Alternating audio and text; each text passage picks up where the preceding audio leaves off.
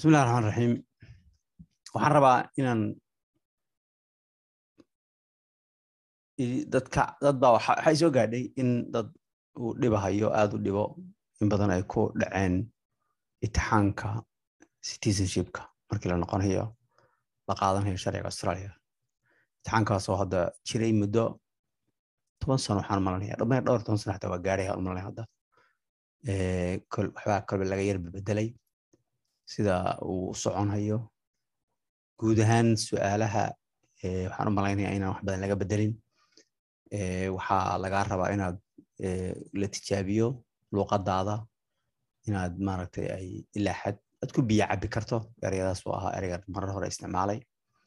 Macnaha ruux inaad perfect tahay ama aad u taqaano jaamacadaad ku dhigan karto ama jaamacad kaga soo baxday ma aho laakiinse se inuu macnaha ruux aad tahay aan u baahnayn inuu waxa uu u baahan yahay sheegto dadka kula hadli karo xataa yaadanba xataa adugu isu turjumine xataa haddaad caddayn karto inaad turjumaan u baahan tahay. Naftigeedu macnaha waxa weeye waxa aasaaska u ah. Midkaas oo midda luuqadda ingiriiska midda kalena waxa weeye inaad nidaamka systemkan australia aad garanayso.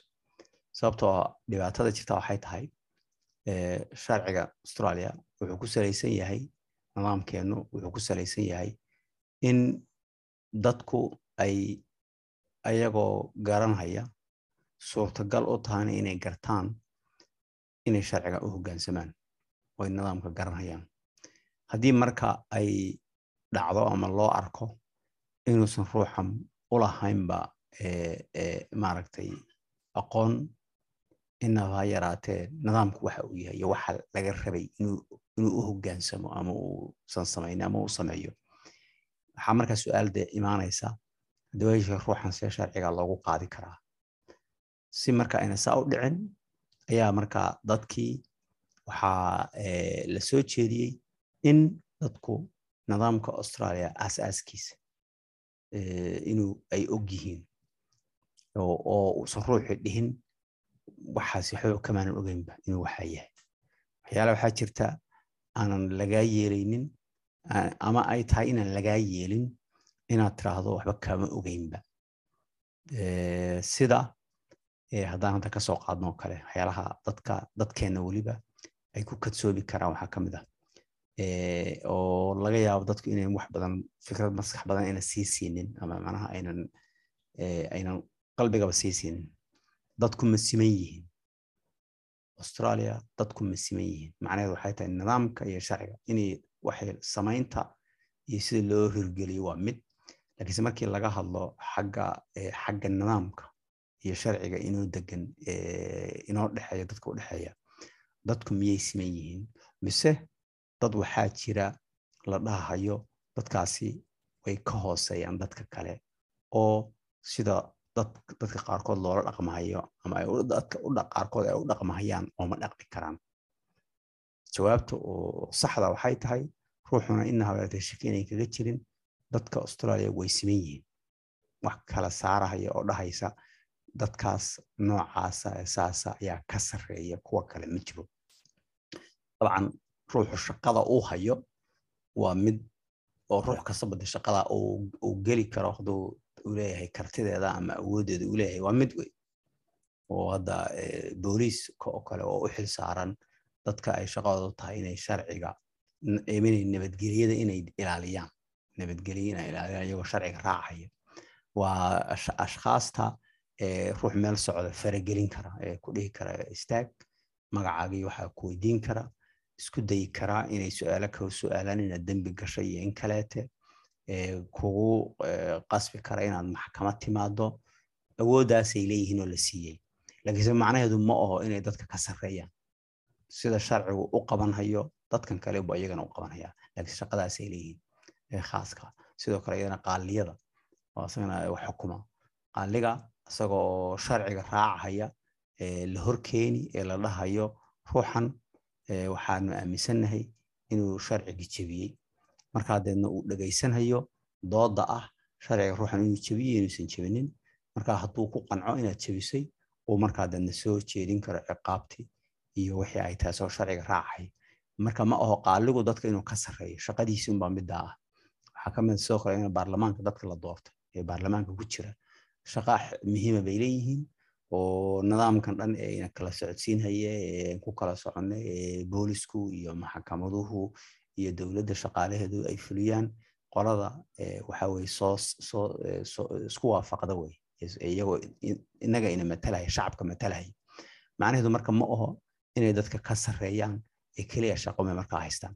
Marka isku soo duuduubo dadku australia way siman yihiin. Marka ruux haddaad tahay australiyaan haddaad aad u dhaqanto oo ama aadan garanayninba inay dadku ay siman yihiin oo dadka qaarkood oo la dhaqanto si kale haddii markaasi wax runtii waa arrin aan nidaamka ay dhib bay u keenaysaa. Waxay dhib u keenaysaa haddii la damco in waxa lagugu ciqaabo haddii waxaa laga yaaba in la yidhahdo ruuxan haddii waa yahay miyaad maloo miyuu ogaa ma loo sheegay miyuu la socday inuu sharcigu sidan yahay. Haddii marka nidaamkii uu dhaho ma hubno waxaa marka laga yaaba inay adkaato in ruuxa waxa lagu ciqaabo marka arrimaha ka dambeeya ee asaaska u ahaa in dadku nidaamka aasaaska ee wadankan uu ku dhisan yahay in la ogaado kuwaasaa sababka ah. Iska ma un wax un doonaya dadku in lagu arbusho oo lagu dhibo oo ma aho su'aalaha qaarkoodna waad arki doontaan hadda soo socda waa su'aalo runtii aad iyo aad muhiim u ah. Oo ruux isdhahaya australiyaan baan ahay oo xuquuqda australiyaanka dadka ah ayaan leeyahay waynaan lahaado weeye. Hadduu dhib igu gaadho dibadda oo kale inay dowladdeydii iyo shacabkan iyo dadka cashuurta bixiya iyo ciidamadiisu iisoo birmadaan ayaan xaq u leeyahay. Haddii dalka gudihiisa ay dhibaata ku gaaro sidoo kaleete xuquuqdiisa in la ilaaliyo hadduu xanuunsado waxaan ognahayba ayaan u qaadanay hadda caadiga inoo ah in daawo lagu siiyo isbitaal lagu geeyo haddaad dhibaato meel kugu dhaco meel kasta ood joogto. Xataa aad arkaysa meelaha qaarkood markay dhumaan ama meel fog ay dhibaato ku gaadho inta kharasha ku baxaysa inta ciidameen la diray helikobtero diyaarado. Marka waxaa laga yaabaa in hal diyaarad oo intaasoo boqoloo kun ay ku baxayso in ruuxa keligii loo kireeyo loo soo qaado oo meel geyso. Marka haddaad waxaasoo dhan aad xaqaas leedahay haddii waa inaad garanayso nidaamka meesha ka jira ee asaaska haddaad la soo istaagto dadka qaarkood lama eko dadka kale oo si kala loola dhaqmi karaa waxaana waxaa weeye hade waa arrin aan munaasab ahayn oo ruuxaasi la dhihi karo miyuu astaahilaa inuu xaqaasoo dhan yeesho oo loola dhaqmo ruux maaragtay dhalashada australia haysto citizen in loola dhaqmo kaleete marka waa in la ogaado lala socodku ay fahmaan inayna dhalanteed ahayn. Waxaana xaqiiqa ah u baahan in la ogaado dalkan australia wuu weynaanhayaa waxa la dhaho majua buu noqonhayaa. Taas macnaheedu waxay tahay waxaa la gaari waqti aan waxyaalaha qaarkood dad loogu dulqaadanaynin dad baa waxaa waan arkaan si marar badan baan arkaa. Dad baa nidaamku u dulqaadanaya ruuxii luqadusan si u fahmaynin nidaamkusan si u fahmaynin oo dalku ku cusub yahay. Waxaa laga yaabaa in lagu arka inaad tahay ruuxan fursado badan lahayn oo waxbarasho ama noloshiisa ku dhacday maata erbashaad badan ku dhacday. Marka in lagu dulqaadanhayo oo lagu lagaaga iska naxariisanayo oon maaragtay sida dadka kaleeta loo dhaqma lagula dhaqmaynin macnaheedu ma aho inay macnaha macnaha ha u qaadanin weligeed arrintaa u soconayso mar waxay gaadhaysaa lagula dhaqmayo sida dadka kaleeta loo dhaqmayo. Marka aan waxba sii wadin aanu bilowno su'aalaha. Waxa weeye su'aaluhu ilaa si dhowr qaybood weeye. Macnaha meel ay ku jiraan oo ilaa labaatan su'aalood ay midkiiba ku jiraan mid unbaa marka waxaan meel laba boqol sida lay sheegay. Laba boqol oo maaragtay inay gaadhayaan laba boqol oo aan isku dayna marka su'aalaha maaragtay kuwa ka mid ah. Waa wax su'aaluhu waxay ka kooban yihiin waxa la dhaho pool.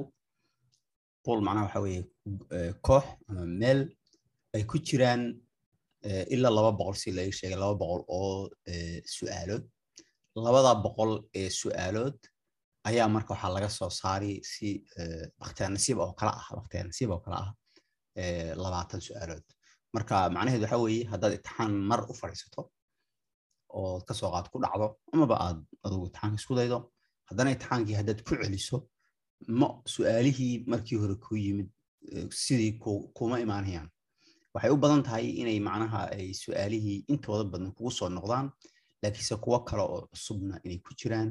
Xataa su'aashii haddii xataa ay kugu soo noqoto sidii markii hore laguu su'aalay laguu su'aali mahay si ka bedelan jawaabtu waxay noqonaysaa halkii un oo waxaa laga yaabaa in lagu su'aalahayo un hal wax laakiinse si dadban oo ka bedelan tii kale in laguu su'aalo. Ujeedaduna waxa weeye in dadku wax aynan xifdiin ee uu noqdo wax fahamkooda ku salaysan markaanu bilowno anigaa samaynhaya fiiriya inaan maaragtay saa noqdo waxaan u malaynaya inaan su'aalaha intooda badan ka jawaabi laakiinse shardi ma aho inaan aan dhammaantood wada garanhayo.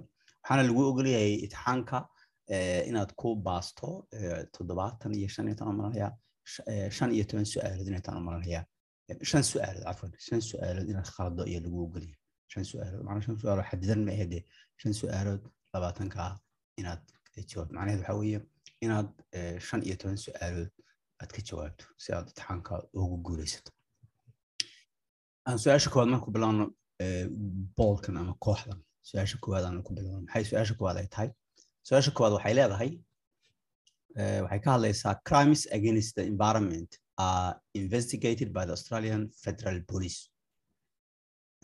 dembiga laga galo dhinaca laga galo environmentka wax cimilada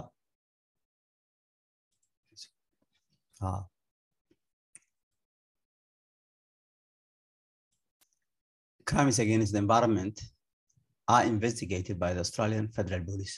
hadduu ruuxu environment macnaha waxa weeye sida inaad qashin banaanka ku tuurto oo kale sida inaad maaragtay aad aad maxaa la jiray aad aad aad chemical ku daadiso banaanka waxyaalahaas oo waxa cimilada environmentga dhibaato u geynaya waxaa crimeka asaga ahaa crimes against the, uh, the environment are investigated by the Australian Federal Police. Ani marka waxay la tahay inay true tahay arrintaasi. Dhab inay tahay. Inaan ka bedelo si aan keliga uga siiyo in ay true tahan markaa laakiinse hay'ad u xilsaaranna way jirtaa oo gobolladuna aan marin inay leeyihiin federaalkuna leeyahay. Laakiinse ana waxaan dhahayaa federal boolisku waa uu investigate garayn karaa ama asaga ayaa akhirka u imaanaysa marka waxaan leeyahay true. Haye su'aasha labaad both parliament and the government can make laws that govern the country. Tan waxay tahay su'aasheedu su'aashan waxay tahay lagu su'aali karo dowladda labadaba labadoodaba oo ah baarlamaanka iyo dowladda waxay sameeyaan sharci taasoo dalka maamusha that govern the country. Dowladda iyo baarlamaankuwa sharci ayay sameeyaan taasoo dalka maamusha. Marka waxa u baahan weeye inaad si fahanto markii la dhaho looga jeedo government markii la dhaho way ka bedelan tahay dalka oo macnaha markii kalese dowladeedan laga hadlahayaa laakiin isku duduubo boqoladan aanu markastaba maqallo ka hadla miidiyaha federaalka haddii loo fiiriyo ra'iisul wasaaruhu uu madaxda u yahay gobollada haddii loo fiiriyona bramiyuhu uu madaxda u yahay. Qoladaas ayaga aha iyo baarlamaankuba labadooduba sharci dalka maamula ayay sameeyaan. Arrintu marka ma saxba mise waa been wey anu waxaan u arkaa inay tahay been inay tahay. Sababtuna waxa weeye iyagu dowladdu way fulisaa laakiinse sharciga waxaa un sameeya keliya baarlamaanka. Dowladdu inta iyadu fadhiisato ma dhahdo aanu sharci samayno dadka aanu sidan. Laakiinse sharciga baarlamaanku uu sameeyey siday u fulinayaan way kala dooran karaan. Oo hadday dhahaan kanan hadda fulinaynaa kana dib u yardhigaynaa kan waxyaalaha way dooran karaan iyagu wax u taala wey laakiinse sharciga asalkiisa hore samayntiisa hore in intay dhahaan sharci cusub aan rabna inaan samayno taa waxaa sameeyo baarlamaanka unbaa fuliyo ka dhacdaa ma aho dowladda marka su'aashaasi inay faalsa tahay ayaan anigu arkaa waase arki doonaa aakhirka people in australia are considered innocent until accused of a crime.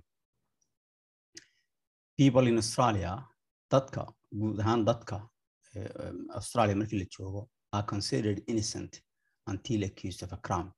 Waxaa loo dadka australia waxaa loo arkaa inay dembiilayaal yihiin inay dembi lahayn oo ruuxu uusan wax dembi ah qabin ilaa dembi lagaga soo eedayo. Su'aashani waa su'aal yar ku yar wereerinaysa tricky ah. Waxaa laga yaabaa inaad maaragtay aadan hadalka aad si kale u qaadato. Laakiinse isku soo duduubo su'aashan waxaan arkaa inay tahay fals inay fals tahay baan arkaa. Sababtoo ah dadka australia innocenti ayay yihiin oo ama loo arkaa inay innocent yihiin ilaa dembi lagaga soo oogahayo. Macnaheed waxa weeye hadda su'aasha say ulahaysa waxa weeye shaksigu dembi ma laho wax dembi ahana inuusan dembi gelinna waa laga soo qaadi ilaa uu booliisku ka dhahayo ruuxan dembi buu galay. Saxna ma oo taasi. Sababtoo aha booliisku wuu dhihi karaa wuu kugu accuse garayn karaa oo wuu kugu eedayn karaa dembi. Laakiinse taa dembi kaama dhigayso dembiile kaama dhigayso. Inuu boolisku dembi kugu eedeeyo oo yiri ruuxna dembi uu galay ama ha yaraada ama ha weynaadee kaama dhigayso inaad dembiile tahay. Keliya dembi ba lagugu soo oogi karaa ama lagugu soo oogay saa daraaddeed su'aashu jawaabteedu waa fals wey waa been wey sababtoo ah shaksigu macnaheedu dembi innocent baa loo arkaa oo aan dembi gelin ilaa maxkamad ay dembi ku xukunto oo tirahdo dembiga ugu galay marka accusationka in lagu accuse gareeyo kaama dhigayso dembi su'aashuna saasay u ekaysiinaysaa hadda hadda dhihi lahayd true.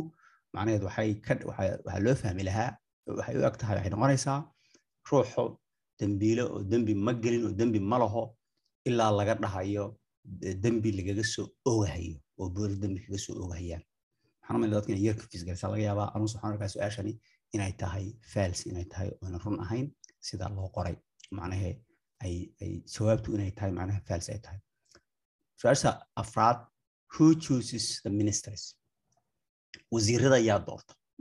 Dowladda federaalka u fiirsada imtixaankan citizenku waa dowladda dhexe ee federaalka ah ee cambera fadhida saldhigeedu uu yahay weeye waxa diyaarisa marka markastaba xooga in si lagu saaro specific in lagu sheego lagu caddeeyo mooyaane wax kasta oo la idlaaqo ama la duuduubo waxay ku dhacaysaa dowladda dhexe ee federaalka iyaga ayaa iska hadlaya sababto iyaga imtixaanka u xilsaaran marka haddaan la dhihin state government iyo aan la dhihin waxa guudahan laga hadlayo waa dowladda federaalka marka marka la who ministers wasiirada dowladda dhexe aad aragtay go'aamada qaatay wax sameeye wax maamule dhaqaalaha iyo maaragtay waxbarashada iyo waxaas dhan maamula yaa doortood siisuba su'aasha koowaad waxay leedahay waa multiple choice leeyahay weeye.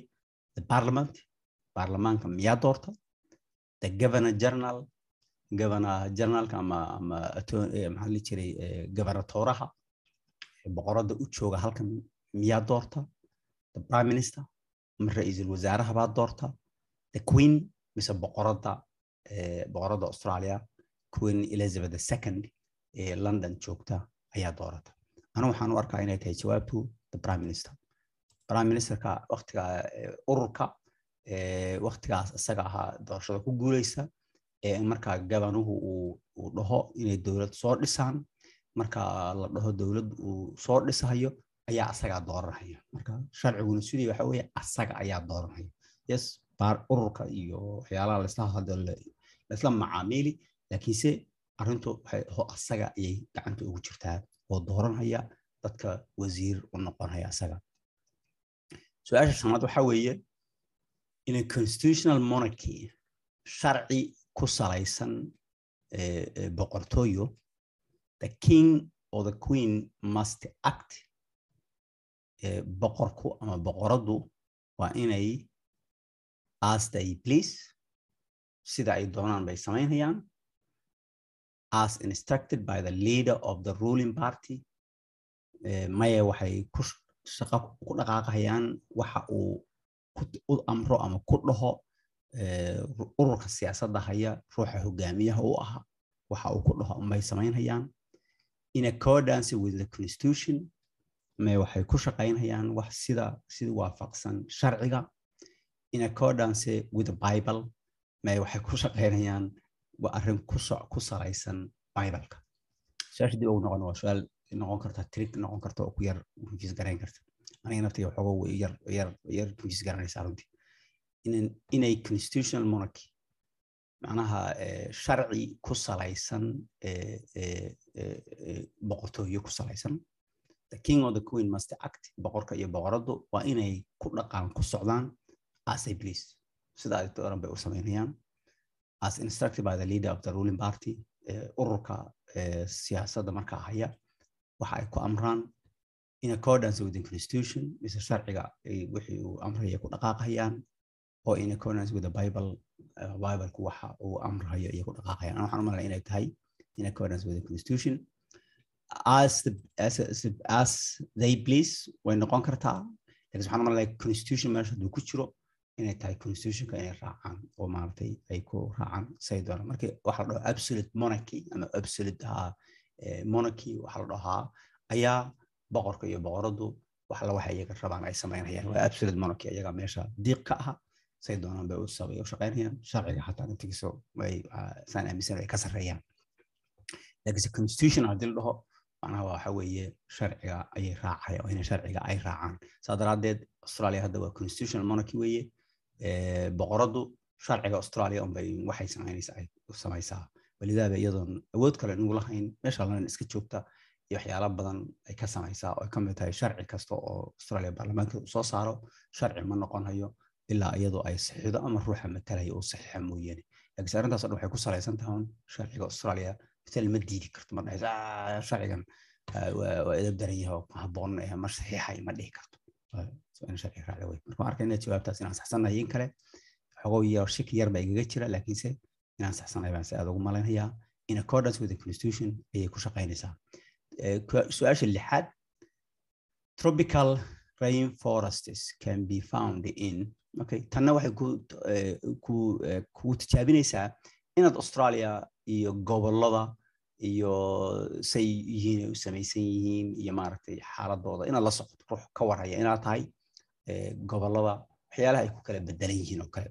Tropical rainforest waa meelaha geedaha aadka u fara badan ee roobka ku baxa. Geeda roobka ku baxa maaragtay meelaha roobkuna aada uga da'a ah waxaa laga helaa tasmania south australia queensland victoria su'aashan wallahi way adag tahay yar adag tahay laakiinse waxaan u malaynaya tasmania loo nisbeeyaa inay tahay meelaha ay ku dambeyso meelaha maaragtay aadka roobku u badan yahay geeda badan ay ku yaalaan mar haddaan la dhihin dhammaantooda dhan oo marka la leeyahay mid loo nisbeynaya waxaan u nisbeynaya tasmania marka waan arkaynaa inaan khaldana inaan saxsana the high court of australia has the power.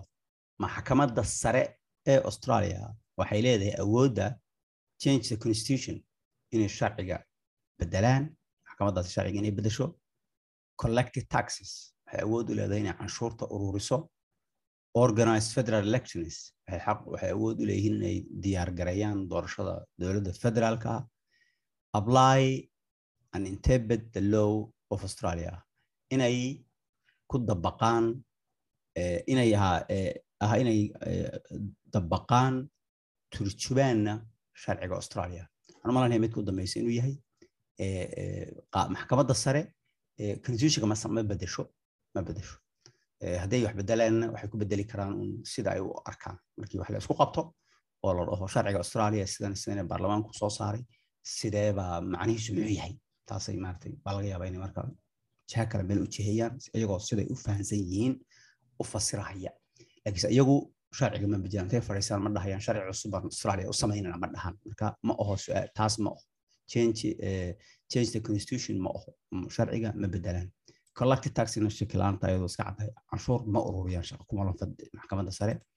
Organize federal election taasna iyadana ma aho ma organize gareeyaan shaqana kuma laho.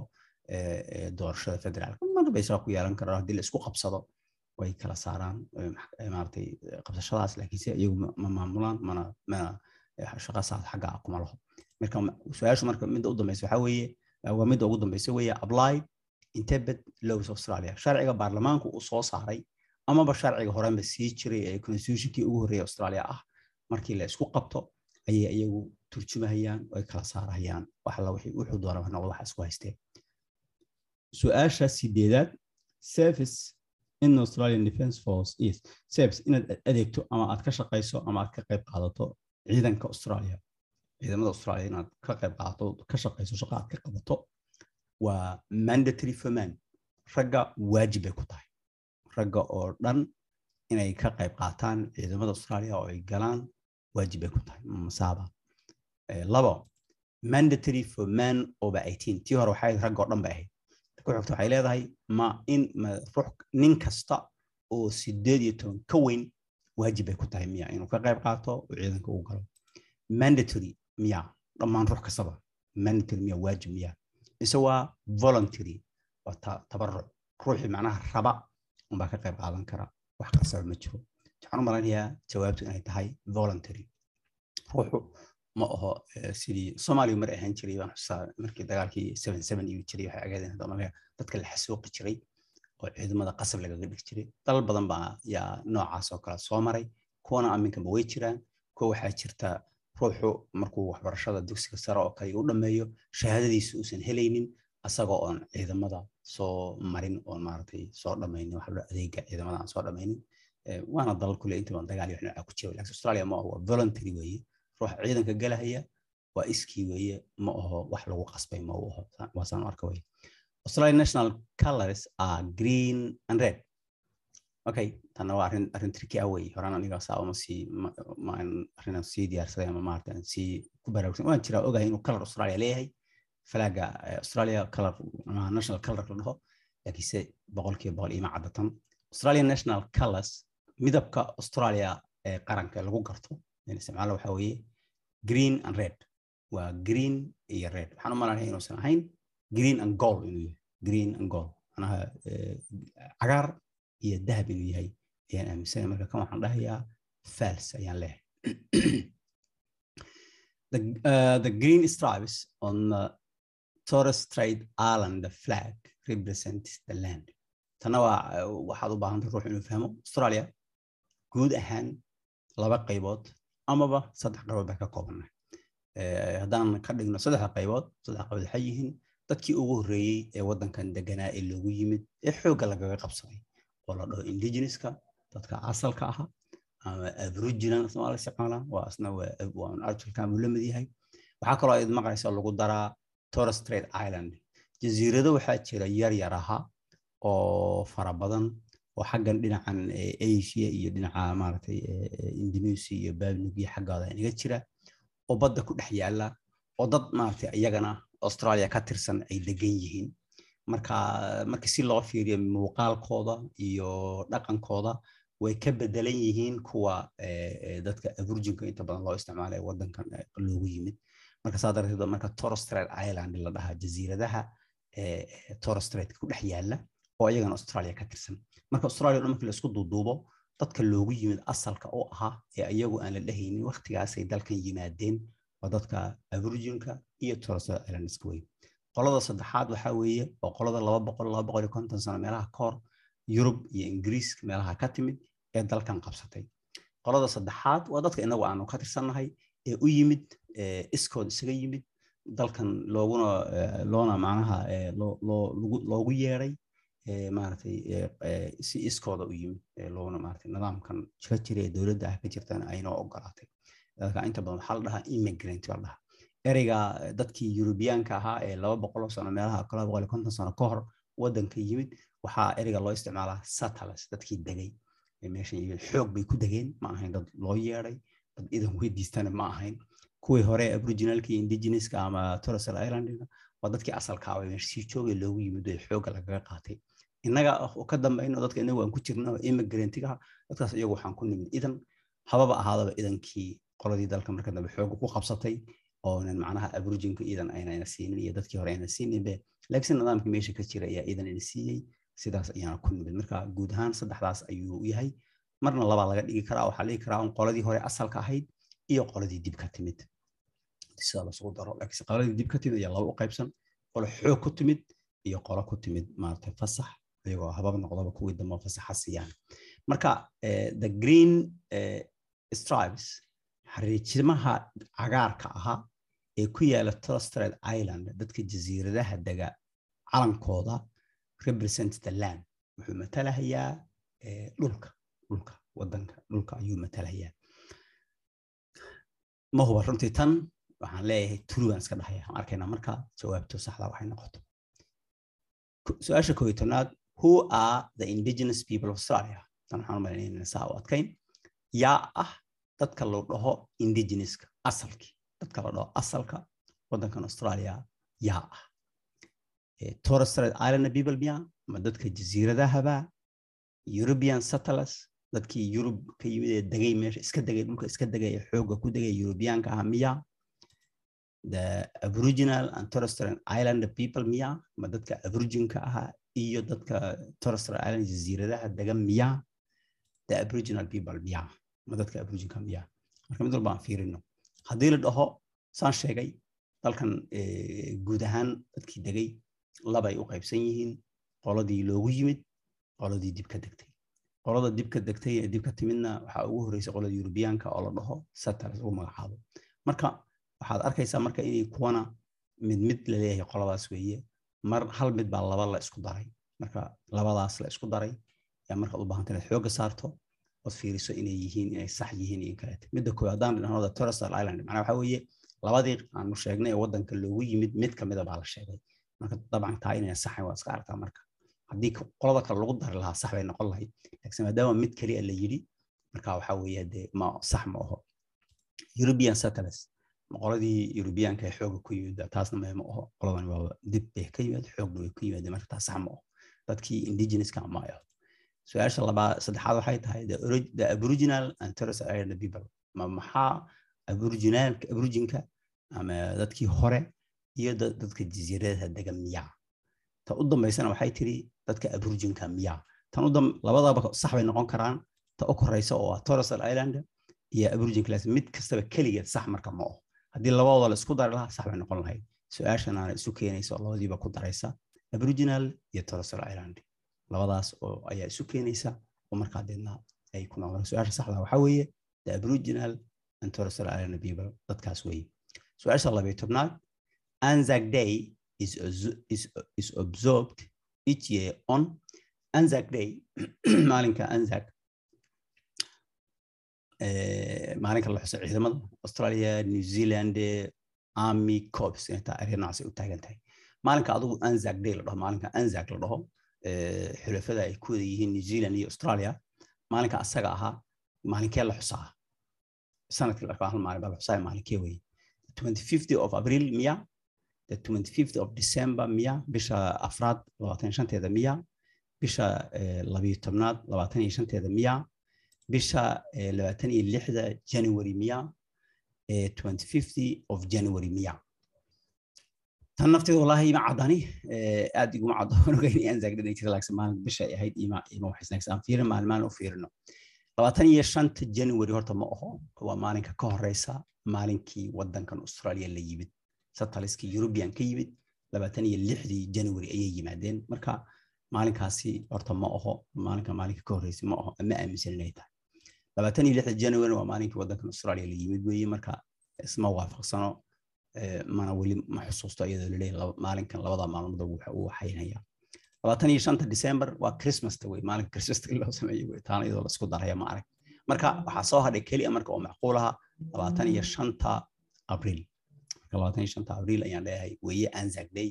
Maalinka anzac dayna waxaa weeye waa maalin lagu xuso maaragtay ciidamada new zealand iyo australia su'aasha saddex iyo tobnaad both man and woman can join the Australian Defence Force. Tana waa su'aal waxyaalihi daayitaan dhahayo kale waxyaalaha aas-aaska oo Australia ruux inuu fahmo markaan bilowga sheegayay maaragtay waxa dadku inay siman yihiin khaasatan rag iyo haweenku waxa ay samayn karaan iyo waxa inay samayn karin labadoodaba. Su'aashan waxay ku leedahay both man and woman can join the Australian Defence Force. Ragga iyo haweenkuba ciidamada Australia way geli karaan way maaragtay way qayb qaadan karaan. Su'aashu ma false ba mise waa true? Ana waxaan u maaranayaa inay tahay true inay tahay. mar bayna saa ahayn weliga saamayna ahayn mar waxaa jirta haweenka aan loo ogolan ciidamada inay galaan haddase waa loo ogol marka waa true way when you are in another country marka aad dal kale joogto marna idana tricky noqon karta laakiin saad u baahantay ruux dhegaysto inuu maaragtay fahmo aas-aaskana uu ahaa inaad australiyaan tahay markaad dalalka kale joogto ma dalka ma australia nidaamkiisa bes aad u hoggaansami dalkaa kale sharcigiisa iska ignore hor naga taga leedahay sharciga australia baa aniga i qabteen ma sharciga australia iska iloobi oo kaabasaad u hogaansami. Ma labadii miyaad isku daray iyo say ardu tahay. Haddaad marka when uh, you are in another country haddaad dal kale aad joogto kabsoo qaado kale soomaaliya aad tagto muxuu yahay waxa ku qabanaya. You must obey australian laws and the laws of that country ma ma su'aashu arrintuma maxaa inaad u hoggaansato ma waajib baa ku saaran inaad hoggaansato sharciga australia iyo sharciga dadka dalka asaga ee joogto you must obey australian law mise waxaa weeyaan australia sharciga australia un inaad u hoggaansato keliya oo sharciga halka dalka aad tirahdo naga taga aad tirahdo you must obey the laws of that country mise dalka sharcigiisa keliya inaad hoggaansato oo tirahdo kii australia bal meel iyara dhig aad tirahdo ya you must obey the laws of your religion mise wuxuba maba ahe diintaada. Markaas iyada maadaama meeshii waxoogu yar ay noqotay madaxaas yar gashay. Dalkii aad joogtay dalkii aad ka timid australia ahaa iyo waxoo dhan badan iyo yar dhigi meel oo diintaada ayaad raacaysaa. Aan dib u fiirino. You must obey australian laws and the laws of that country. Taas trick weeye si marka loo fiiriyo waa sax. Waa inaad sharciga australia u hoggaansato waa inaad sharciga dalkaana aad u hoggaansato laakiinse se waxaa jirta dal baad joogtaa dalkaas sharcigiisa ayaa marka iyada ka socda marka dalka asagaa sharcigiisa inaad hoggaansato wey marka ma noqon karto macnaheedu laba dal sharcigooda hal mar isuma keeni kartid. Waxaa laga yaabaa inay waxyaalaha qaarkood ay iska hor imaanayaan. Saa daraaddeed sharciga dalka aad joogto weeye maaha ma marka australia sharcigiisii uma hoggaansamaysid marka su'aashu taa ma aho you must obey australian laws. Taana waa sax si markii loo fiiriyo oo sharciga australia markasta waa inaad hoggaansato laakiin sida dalka aad joogto hadduu sharci leeyahay sharcigaasi waa inaad hoggaansato marka koowaad wax dhibaatana kaa soo gaari mayso.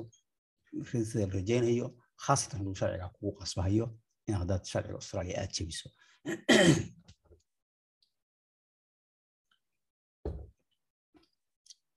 Midka kale waxay leedahay you must obey the laws of that country.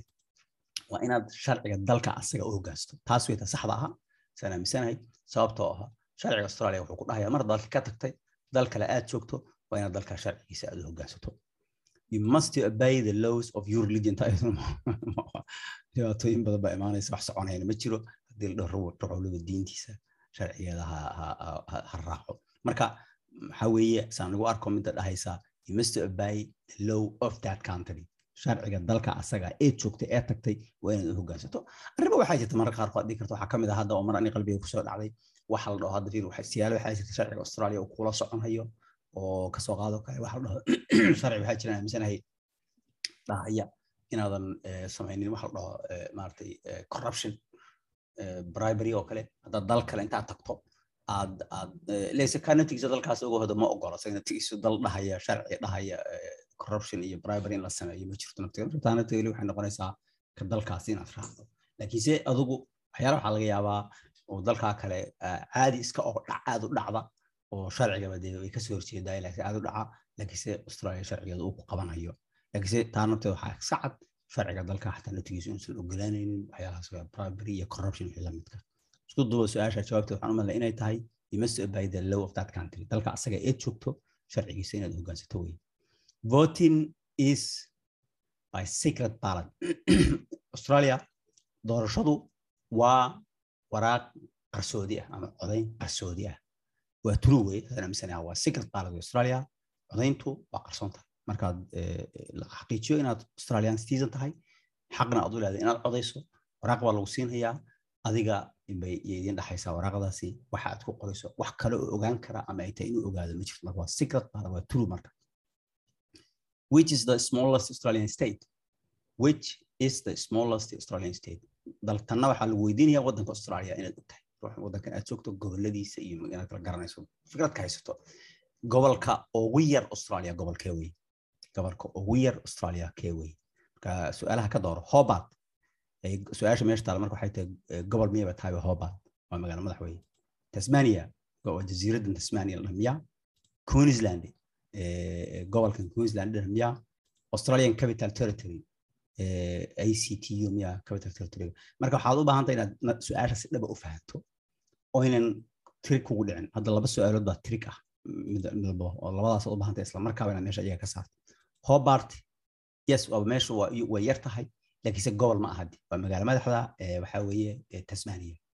Magaalo madaxdeedii weeye. Marka gobol maba ahba ama ha yaraato ama ha weynaato gobol iyada maba ahba ayaanu soo gudubno queensland. Maya ma queensland waa gobol laakiinse gobollada ugu waaweyn bay ku jirtaa. Waxaan gobolka labaad inayba tahayba ee ugu weyn australia australian capital territory iyadana yes waa waa maamul yar runtii aad iyo aad u yar oonu malalay inuu yahay maamulada ugu yar inuu yahay laakiinse gobol ma oh waa territory wey gobol ma oh taa marka intaas oo ka saaray waxaa noo soo haray marka tasmania.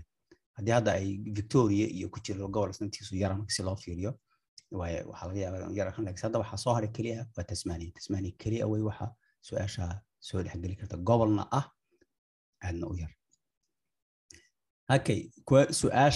dhamaadkan u sii dhina hadda. Su'aasha toddobiyo tobnaad. A jury is elected from people who have sufficient background in law.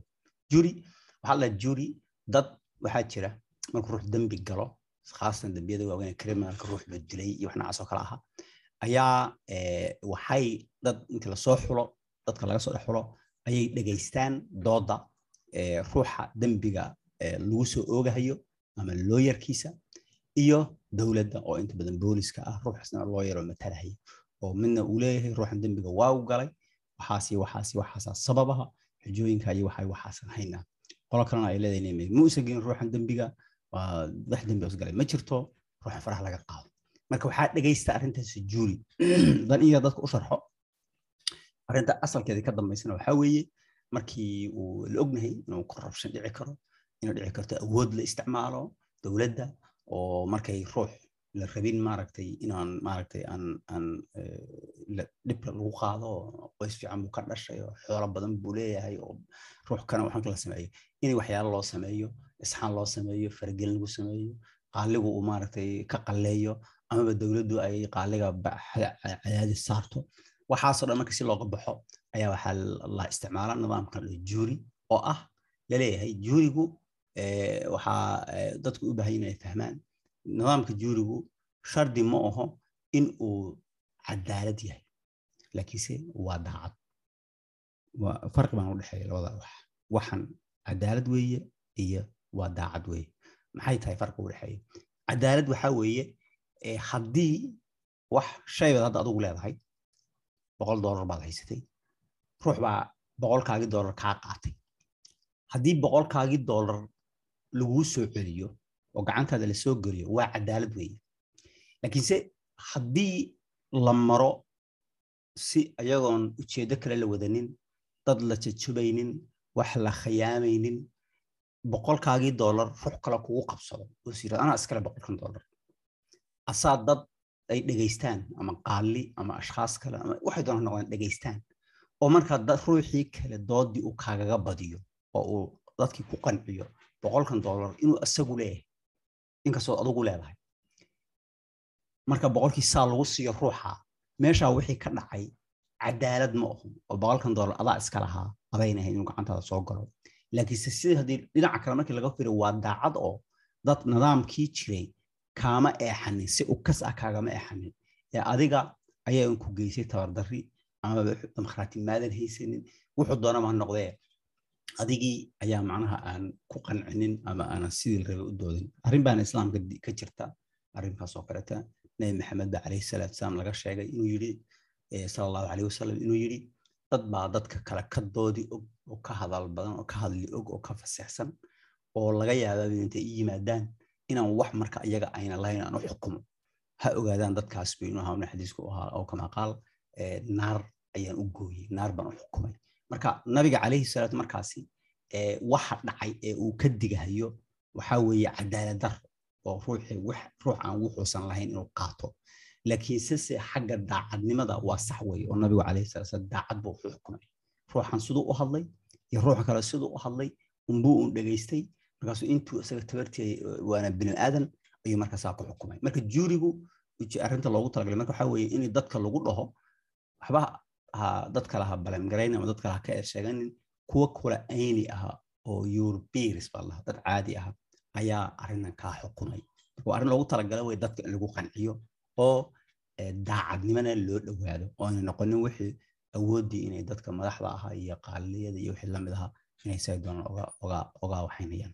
Marka a jury is elected from a people who have a sufficient background in law su'aashan marka waxay leedahay juuriga dadka asaga ahaa ma maxaa laga soo doortaa dad aqoon fiican u leh ama ku filan u leh sharciga?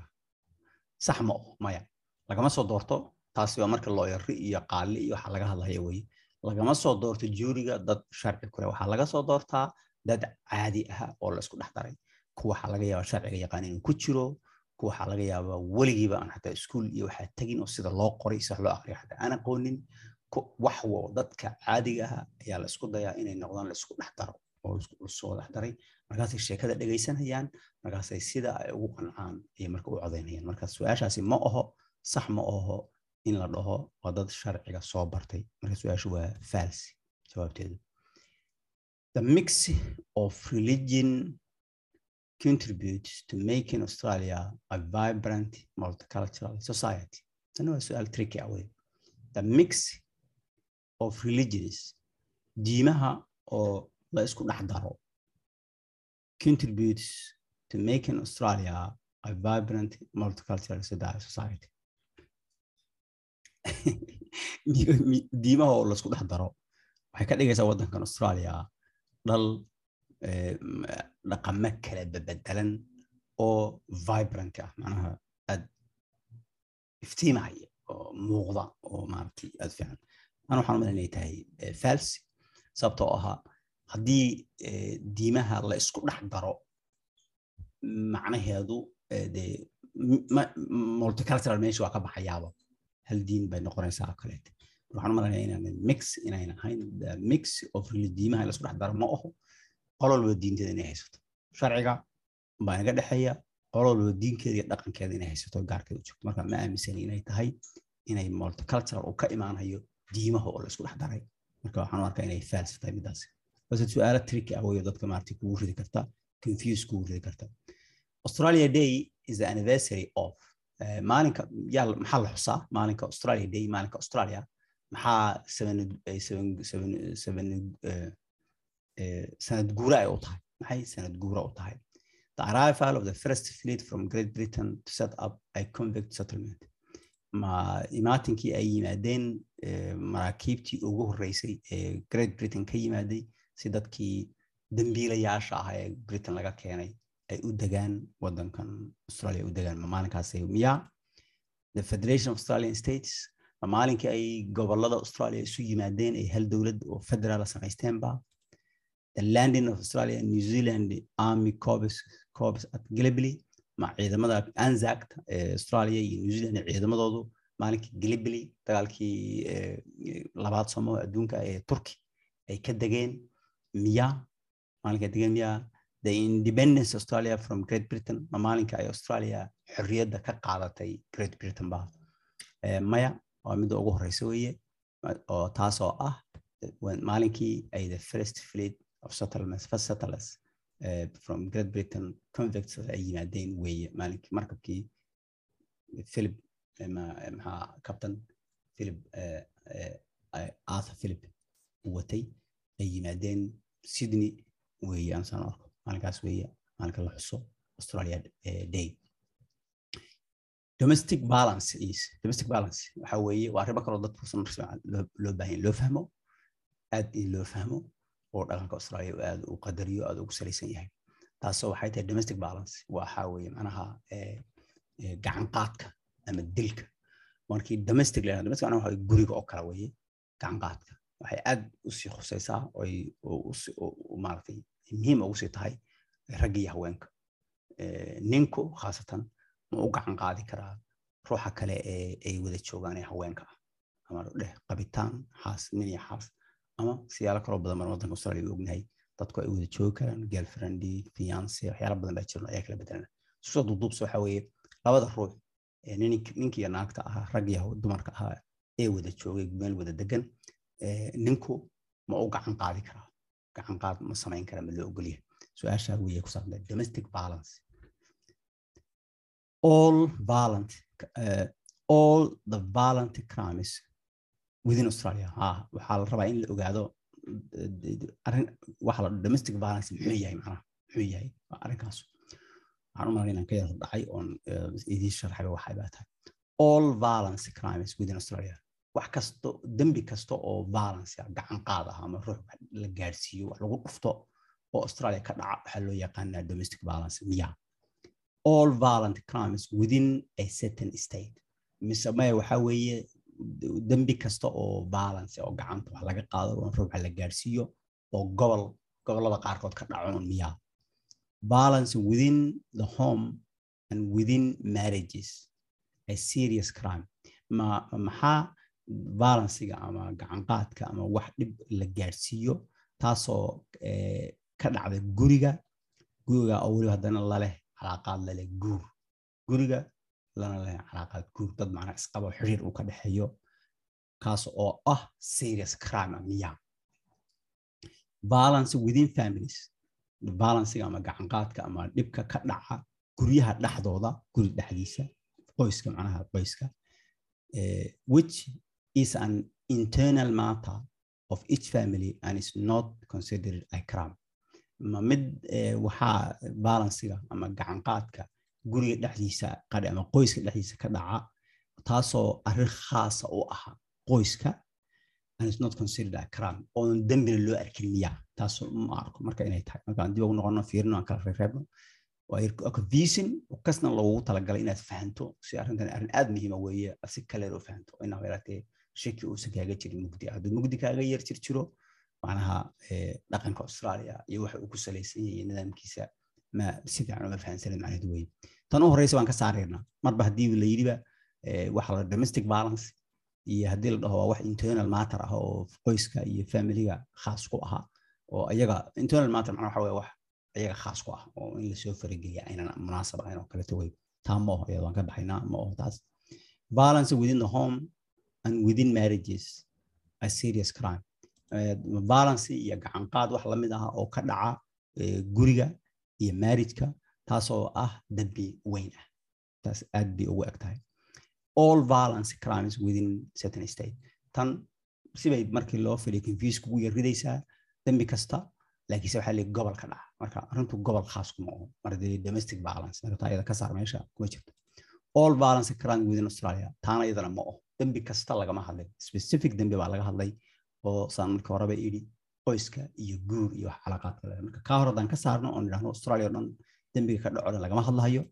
Haddaan idhahdo dembiga ka dhaca gobol oo dhan lagama hadlahayo tan ay tahay midda tan haddaan u boodno hoosta haddaan tagno arrin internal ah oo la dhihi karo dadkaas iyaga u taclaa oo kale oo maaragtay faragelin laguma samayn karo iyadana ma oh marka marka saddexdaa labada u koreysa markaan ka saarno ka u horeysana ka saarno waxaa noo soo haray marka midkan oo ah balance within home gacanqaad ama dhib guri dhexdiisa ka dhaca taasoo adana si calaaqaad la siila marriage oo kana dhigaysana inuu yahay dambi serious ka dhigaysaa. Kaas ayaa la dhaha domestic violence marka su'aal dhawaan ka wada jawaabna inta tabarteena ahayd aan fiirino sida aanu meesha aanu gaarsiinayo waxa xaaladdu ay tahay.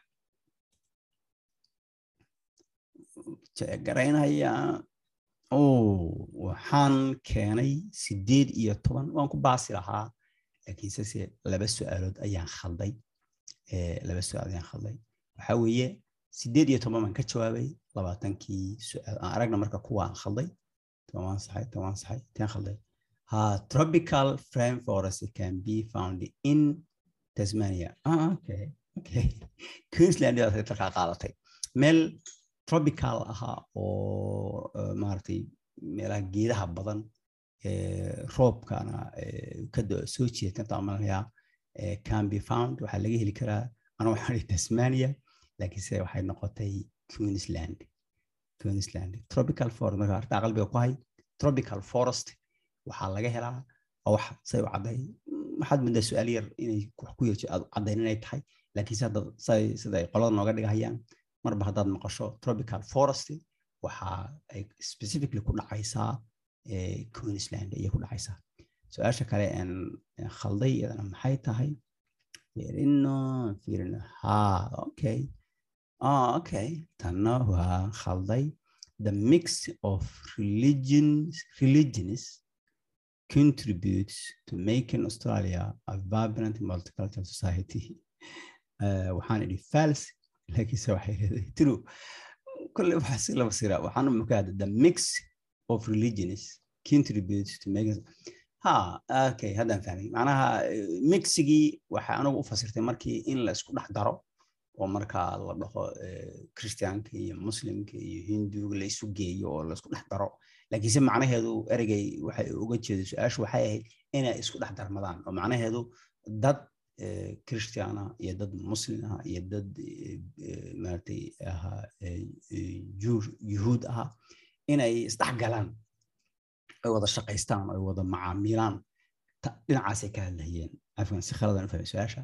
Macnaha su'aashu waxay ahayd inay dadka isdhex macnaha. Dad kala diin ah inay isdhex galaan australia waxay ka dhagaysaa multicultural qiimo badan oo iftiimaya. Waa sax wey anuu markii hore waxaan u fahmay inay ahayd in la dhex daro diimaha oo waxaan inay imtixaanka inay sidan ku imaan doonto waramahayo inay ka yar caddeeyaan bahay sidan in macnaha waxaan markii u qaatay in la dhex daro in la yidhaahdo haddaanu isku dhex darno christianka iyo muslimka iyo yuhuudda iyo hinduga isku dhex darno macnaa diinta naftigeedaan u fahmay. Laakiinse dadka ma fahmaynin yes dabcan sida australia ay tahay weeye dadka diimo kala bedelan wata haddii ay isdhex galaan waxay ka dhigaysaa australia dal multiculturalaha oo isfahmahaya oo wada shaqayn kara ayay ka dhaqanayaan ruux walbana diintiisa da u waton kale ku faragelinaynin laakiin iyagu inay isdhex galaan. An marka waxaan u qaatay saan idhi inay tahay diimii la isku darsado oo la dhaho kiristaanka diintii iyo tan iyana isku dhex daray la dhaho. Marka halkaasay ahayd waxaan rajeynaya intan idan caawinayso dadka su'aalaha sidaa u tadabura sababta ka dambaysa ayaa weliba aad iyo aad muhiim u ah inaad fahanto. Waxaan isku dayay kuwa kaleetan iyadana soo geliyo soo gudbiyo hadda kadib idiin soo waxeeyo. Waad mahadsantihin wasalaamu calaykum waraxmatullaahi wabarakaatuhu